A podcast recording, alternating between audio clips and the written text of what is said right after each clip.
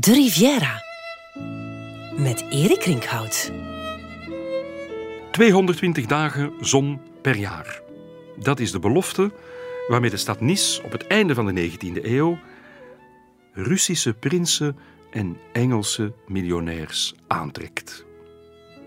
Maar tussen al dat chic volk treffen we in het jaar 1883 ook een verdwaalde filosoof aan. Zijn naam Friedrich Nietzsche.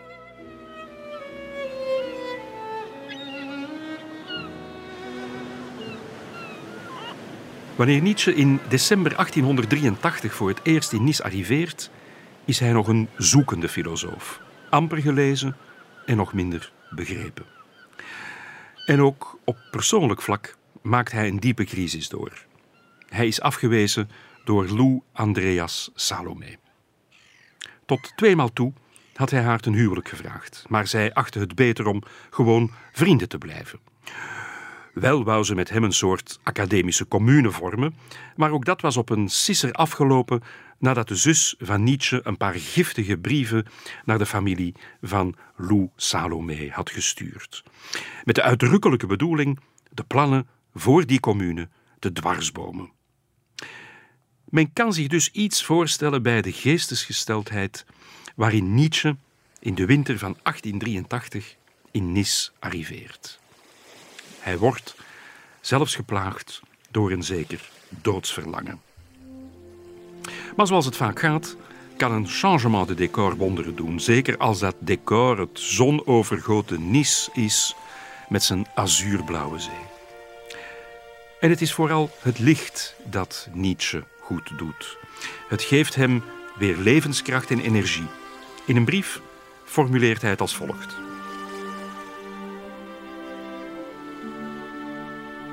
Ik nodig heb, is een serene hemel en een zon zonder het minste wolkje. Deze prachtige volheid van licht heeft een bijna wonderbaarlijke uitwerking op mij. Een zeer gekwelde sterveling. En zo vaak verlangend om te sterven. Het zuiden is voor hem als, ik citeer, een grote school van genezing voor de geest en de zintuigen. De zon die haar stralen werpt op een trots bestaan dat vol is van geloof in zichzelf.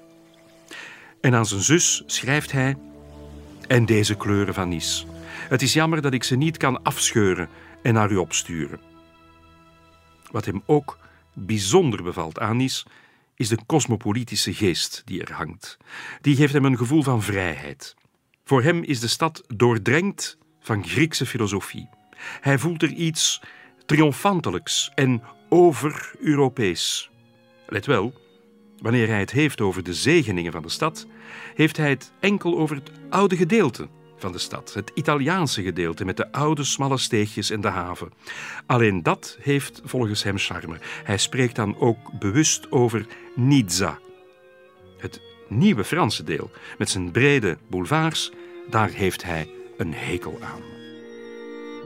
Het Franse deel van Nizza is voor mij ondraaglijk en bijna een smet op deze zuidelijke pracht. Maar er is ook een Italiaanse stad. Het is daar, in de oudste wijken, dat ik iets heb gehuurd. En als men verplicht is te spreken, is het in het Italiaans. Men is er als in een buitenwijk van Genua. Enkel de oude binnenstad dus, met zijn oorspronkelijke mediterrane sfeer. Hij verblijft er in eenvoudige pensions. Eerst een kamer in de Rue Séguran, daarna in het Pension de Genève in de kleine Rue Saint-Étienne, de huidige Rue Rossini. Voor de andere gasten in het pension is hij een bescheiden, sympathieke en beleefde man die de handen van de vrouwen kust en hun kinderen op schoot neemt. Hij is pas 39, maar met zijn voortijdig grijze slapen, zijn dikke bril en zijn enorme snor wordt hij aanzien voor een gepensioneerde Duitse professor. Niemand kan vermoeden dat deze aimabele man in zijn werkkamer een reus is die de filosofie met een hamer beoefent. Maar erg sociaal is hij niet. Hij zoekt bewuste eenzaamheid op als een soort kluizenaar in de menigte. Die afzondering en eenzaamheid is voor hem een bron van schepping en dat is precies wat hij zoekt. In zijn eentje dwaalt hij door de smalle straatjes van de binnenstad en ontdekt er bijvoorbeeld een kleine boekhandel. En het is daar dat hij voor het eerst een boek van Dostojevski in handen krijgt. Aantekeningen uit het ondergrondse. Het is een cruciaal moment, een openbaring. Hij schrijft: Dostojevski is de enige die mij iets geleerd heeft over psychologie. En wat heeft hij dan precies geleerd van Dostojevski? Wel, het begrip ressentiment. Want dat is de drijfveer in de psyche van de held uit aantekeningen uit het ondergrondse.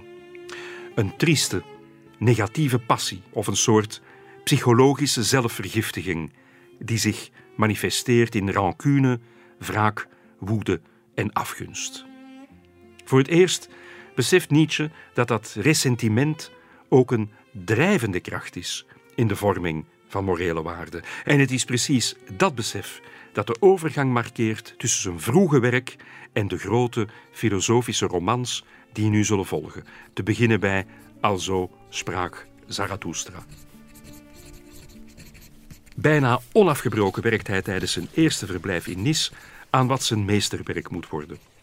Tot eind april 1884. In december 1884 keert hij terug om er verder aan te werken en opnieuw verblijft hij in het Pension de Genève.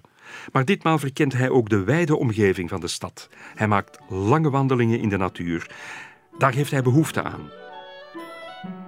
De bewegelijkheid van de spieren was bij mij altijd het grootst wanneer de scheppingskracht het sterkst was. Mijn lichaam was bezield. Je had me kunnen zien dansen of gewoon halt houden om de geur van de rozemarijn op te snuiven. Zonder enig besef van vermoeidheid kon ik zeven of acht uur na elkaar onderweg zijn in de bergen. Ik was in een perfecte staat van, van kracht en van geduld. Wandelingen van zeven tot acht uur. Indrukwekkend. Te meer omdat hij ook de bergen intrekt. Onder andere over een smal ezelspad dat naar het pittoreske bergdorpje IJze leidt. Tegenwoordig bekend als Le Sentier de Nietzsche, het pad van Nietzsche.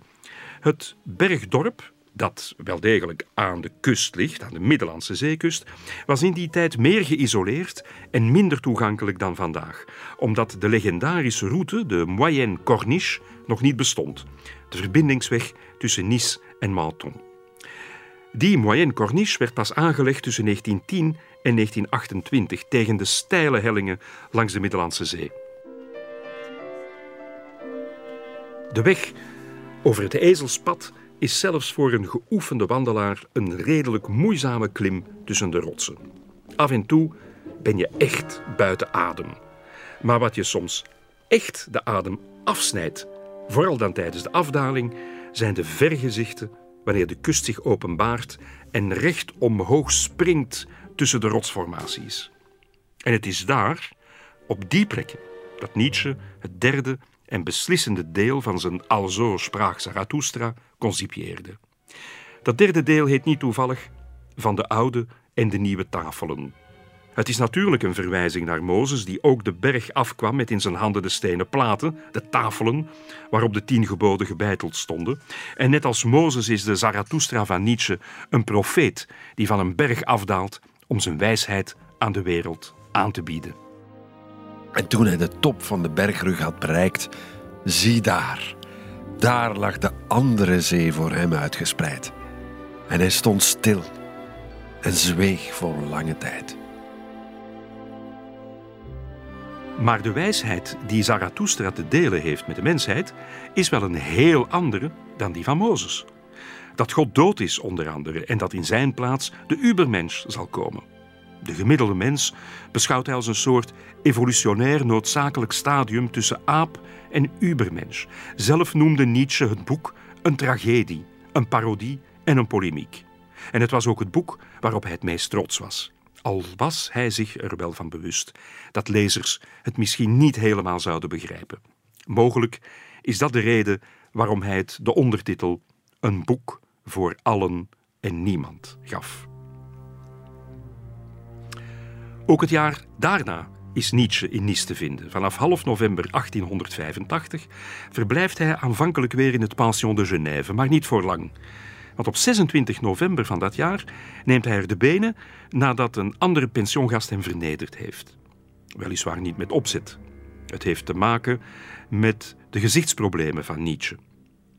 Hij was namelijk blind aan zijn rechteroog. En ook het linkeroog laat het hoe langer hoe meer afweten. Op een avond zit hij in het pension, in de gemeenschappelijke gelachzaal te eten, wanneer een man aanbiedt om hem te helpen zijn vlees te snijden. En dat is voor Nietzsche voldoende om niet langer meer met hem aan tafel te willen zitten. Hij vindt een nieuw verblijf in de rue François de Paul. Een mooie kamer die uitkijkt op het park dat vandaag Le Jardin Albert Ier heet, genoemd naar onze koning, als eerbetoon aan zijn moedige strijd tegen Duitsland. Het voordeel is dat Nietzsche nu vlakbij de opera van Nice woont. En dat is niet onbelangrijk. Muziek vervult een cruciale rol in zijn leven en denken. Zijn voormalige vriendschap met Richard Wagner is daar getuige van. Wagner was overleden in 1883, hetzelfde jaar dat Nietzsche voor het eerst in Nice verbleef. Maar het was daarvoor al tot een breuk gekomen tussen de twee vrienden. Nietzsche bewonderde Wagners filosofie over tonaliteit, muziek en kunst, ook het vermogen van de componist tot emotie en expressie. Maar daarnaast had hij een grote minachting voor de religieuze vooringenomenheid van zijn vriend. Nietzsche ging er verkeerdelijk van uit dat Wagner zich tot het christendom had bekeerd, wat hij als een teken van zwakte zag. En dat leidde dus tot een breuk. Een breuk die van essentieel belang was in de verdere ontwikkeling van het denken van Nietzsche. Bij zijn derde verblijf in Nice begint Nietzsche daar verder over na te denken. En dat brengt hem tot een nieuwe esthetica, een nieuw discours over kunst en muziek. Een ultiem moment van inspiratie vindt hij wanneer hij in de opera van Nice naar Carmen van Georges Bizet gaat kijken. Het is al de twintigste keer dat hij die opera ziet, maar opeens heeft hij dan het gevoel dat die speciaal voor mensen als hij geschreven is. Middenlanders noemt hij ze. Ik citeer: Mensen die van het zuiden houden als ze in het noorden zijn, en van het noorden als ze in het zuiden zijn. Dat schrijft hij in zijn boek Jenseits von Gut und Böse. Voorbij goed en kwaad in het Nederlands. Het is een boek waarin hij nog maar eens het gehele westerse morele systeem bevraagt, inclusief de heersende opvattingen over muziek. En het zijn vooral de Wagnerianen die eraan moeten geloven. We moeten op onze hoede zijn voor Duitse muziek, zegt hij. Ze bederft onze smaak en daarmee onze gezondheid. Ja, smaak.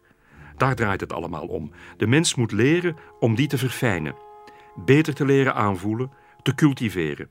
En daarom is het, volgens Nietzsche, belangrijk dat er een wedergeboorte komt van de kunst van het luisteren.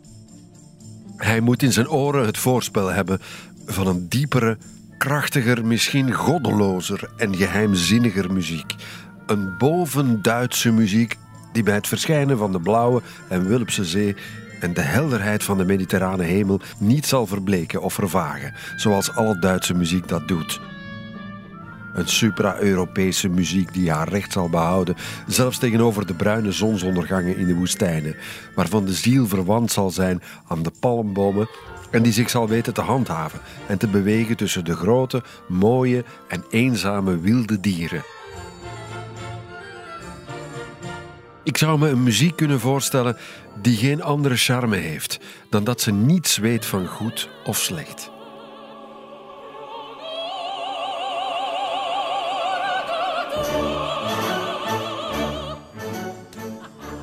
Wat een verblijf in Nice niet allemaal teweeg kan brengen. Muziek moet voor Nietzsche voortaan mediterraan zijn, bovenduits en ontdaan van elke morele boodschap. In 1887 verblijft Nietzsche voor een laatste keer in Nice. Het gaat niet goed met zijn gezondheid. Hij heeft hevige migraineaanvallen, hallucineert soms en met zijn gezichtsproblemen gaat het van kwaad naar erger. Toch heeft hij nog de discipline en de energie om dagelijks te werken. Maar in de vroege ochtend van 23 februari, Aswoensdag, het einde van de carnavalsperiode die in Nice uitbundig gevierd wordt, gebeurt er iets dat zijn werkzaamheden ernstig zal verstoren. Het is zes uur ochtends, wanneer plots in zijn slaapkamer de muren beginnen te trillen. Zijn inkpot begint te dansen op zijn bureau. Nietzsche hoort een soort onderaards gerommel en luid gekraak, een geluid als dat van een krakende koffiemolen, schrijft hij later in een brief. Buiten beginnen de klokken van de kerktorens vanzelf te luiden. Honden huilen. Het is een aardbeving. Een hevige aardbeving. Eén met een kracht van 6,0 op de schaal van Richter. Het epicentrum ligt aan de Italiaanse kust. Genua en Sanremo worden het zwaarst getroffen. Nog uren nadien blijven de naschokken komen. In Genua proberen duizenden mensen de stad te ontvluchten. Het hertogelijk paleis, een beroemde bezienswaardigheid, stort in. In Sanremo komen naar schatting 300 mensen om het leven. In Bajardo, een dorpje op ongeveer 100 kilometer van Genua, komen nog eens 300 mensen om wanneer de kerk waarin ze onderdak hadden gezocht bij een van de naschokken instort. In totaal verloren ongeveer 1500 mensen aan de Italiaanse kant van de grens het leven. Ook in Cannes ontstaat er grote paniek. De hotelgasten trachten bij duizenden de stad per trein te ontvluchten. Vaak in pyjama of nachtkleed, omdat ze niet het risico wilden lopen terug de hotels in te gaan voor hun andere bezittingen. Onder hen is de prins van Wales, de zoon van Queen Victoria, die in die periode regelmatig in Cannes verbleef met zijn koninklijk jacht, de Britannia. Men tracht hem zo snel mogelijk te evacueren, maar dat wordt bemoeilijkt door de paniekerige massa mensen op de Croisette. Velen vluchten naar Monte Carlo. Dat ligt weliswaar dichter bij het epicentrum, maar ligt ook op een stevigere ondergrond, de Monte Carlo, waardoor het minder gevoelig is voor aardbevingen. De schade is er dan ook beperkt. Toch wordt het gokken in het casino, uit eerbied voor de slachtoffers van de tragedie, voor enkele dagen stopgezet. Wie ook getuige is van het drama, is de schrijver Guy de Maupassant. Meestal bevindt hij zich op zijn eigen jacht, de Bellamy, maar op de dag van de aardbeving verblijft hij toevallig in Antibes. Zijn verslag van de gebeurtenissen klinkt zeer dramatisch. In de eerste seconde van de schok had ik het gevoel dat alles wat had samengehangen nu uiteengereten werd. Maar naarmate het schudden van mijn bed, het scheuren van de wand en het omvallen van meubilair toenam, besefte ik dat we werden getroffen door een aardbeving. De muren schudden op hun grondvesten. Dakbalken werden heen en weer geslingerd. Dakpannen vlogen in het rond. Cementvloeren spleten wijd open. Funderingsrotsen spatten uit elkaar. Dit bizarre verschijnsel riep ongekende sensaties bij me op. Het scherpe gevoel van menselijke machteloosheid. Ieder wezen is een lijdende vluchteling. Ieder mens wordt bedreigd, onder zijn eigen dak, in zijn eigen bed. Dat laatste was nog wel het ergste van de aardbeving. Het was onmogelijk om weer naar huis te gaan. Ik was nu een zwervend dier, verdwaald, angstig, op de vlucht. De aardbeving van 23 februari 1887, zoals Guy de Maupassant ze beleefde. En hoe beleefde Nietzsche diezelfde gebeurtenis? Wel, in een brief die hij een dag later aan een vriend schreef, zegt hij het volgende. Gisteren sloot Nis zijn internationaal carnaval af en om zes uur s morgens was er een nieuwe vorm van vermaak. Het schudden van de gebouwen was een vreemde sensatie, maar ook niet meer dan dat. Nadat hij een inspectieronde van zijn kamer had gemaakt, had hij verder, ik citeer, heel kalm geslapen. En de volgende dag was het prachtig weer. Terwijl buiten Nice op een gekkenhuis leek, was Nietzsche rustig op zijn kamer gebleven om verder te werken. Het huis waar hij verbleef was ook relatief gespaard gebleven van grote schade. Met zijn vorige verblijfplaats, het Pension de Genève, was het veel erger gesteld.